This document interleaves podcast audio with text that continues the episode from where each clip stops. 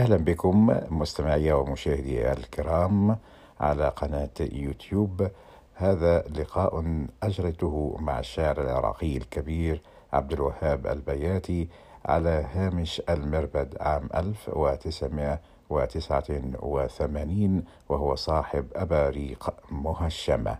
وكان هذا اللقاء.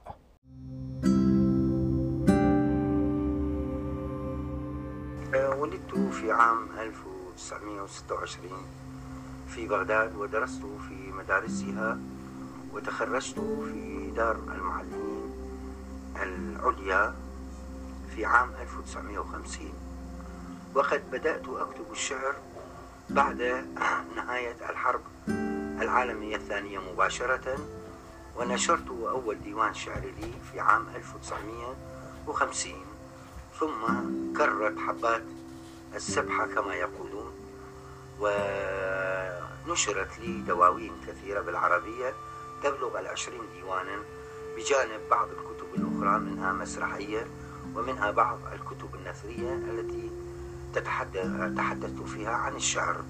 كما أن معظم كتبي التي صدرت بالعربية ترجمت إلى اللغات الأجنبية منها الفرنسية والأسبانية والروسية. والألمانية وسواها من اللغات إلى كل لغات العالم تقريبا. وأقمت أيضا خلال حياتي هذه الطويلة سنوات طويلة في مدن تأثرت بحياتي فيها تأثرا كبيرا. أذكر منها دمشق وبيروت والقاهرة حيث أقمت عشر سنوات وموسكو التي أقمت فيها خمس سنوات. ومدريد التي أقمت فيها عشر سنوات ولا أزال أقيم فيها. كما أنني أسهمت في معظم المؤتمرات والمهرجانات الأدبية والأمسيات الشعرية التي أقيمت في البلاد العربية أو في أوروبا أو في أمريكا سواء أمريكا اللاتينية أو أمريكا الشمالية. لدي يعني مشاريع كثيرة الآن يعني على وشك الصدور.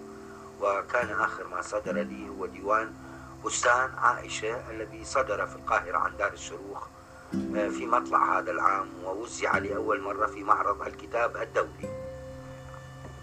أستاذ عبد الوهاب كثرة هذه الأسفار تجرنا إلى موضوع الغربة والاغتراب والعلاقة بين الغربة حضرتك يعني هل التسافر هذا من قبيل الغربة والاغتراب أم هو قدر لمعظم الشعراء الذين أجادوا وكتبوا أحسن ما عندهم في أثناء الغربة وطبعا يحضرنا في هذا على ذكر إسبانيا شاعرنا العظيم أحمد شوقي.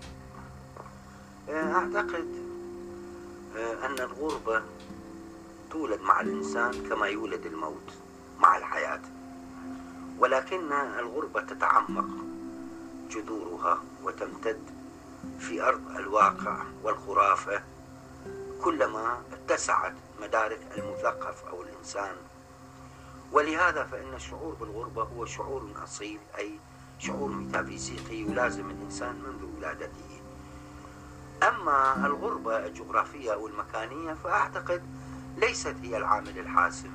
يعني بالنسبة للناس الاجتماعيين مثلا أو الناس العاديين ربما تبدو الغربة المكانية هي الغربة الكبرى. ولكنني أعتقد أن الغربة الكبرى هي التي تولد مع الإنسان ولكنها تتعمق كلما اتسعت غربة هذا الإنسان. والبعد الجغرافي أو الزماني أو المكاني يضفي على هذه الغربة مفاهيم جديدة. أستطيع أقول أن أقول لك أن الفقر غربة. وأحيانا الإقامة في الوطن غربة والإقامة في المنفى غربة. الغربة ليست مرتبطة بزمان أو مكان نعم يعني. الفنان غريب غربتين دائما يعني وكلما امتد العمر أو الزمن بالفنان كلما غاصت روحه في أصقاع خرافية لا يستطيع العودة منها. أستاذ عبد الوهاب ونحن في حضرة شاعر كبير. بالطبع السادة المستمعين يتوقعوا أن يسمعوا شيئا من شعرك بإلقائك الخاص. لا أتدلل أو لا أقول دلالا.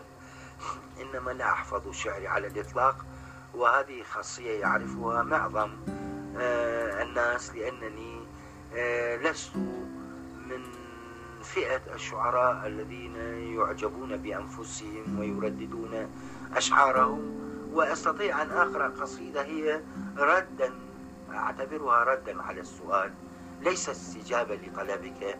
إنما أبين مذهبي في قراءة الشعر. فليكن ذلك. نعم فهي القصيدة عنوانها اعتذار عن خطبة قصيرة. سيداتي سادتي خطبتي كانت قصيرة فأنا أكره أن يستغرق اللفظ زماني ولساني ليس سيفا من خشب كلماتي سيداتي من ذهب. كلماتي سادتي كانت عناقيد الغضب وأنا لست بسكران ولكني متعب. الشموع انطفأت والليالي بردت وأنا أحمل قلبي في حقيبة مثل طفل جائع أغرق بالدمع صليبة عبر آلاف الخيانات وآلاف الأكاذيب الحقيرة. خطبتي كانت قصيرة وأنا لست بسكران ولكني أسخر من عذابي وأنا لست بقيصر. إن روما تحترق إن روحي تختنق عبر آلاف الخيانات وآلاف الأكاذيب الحقيرة. فوداعا سيداتي سادتي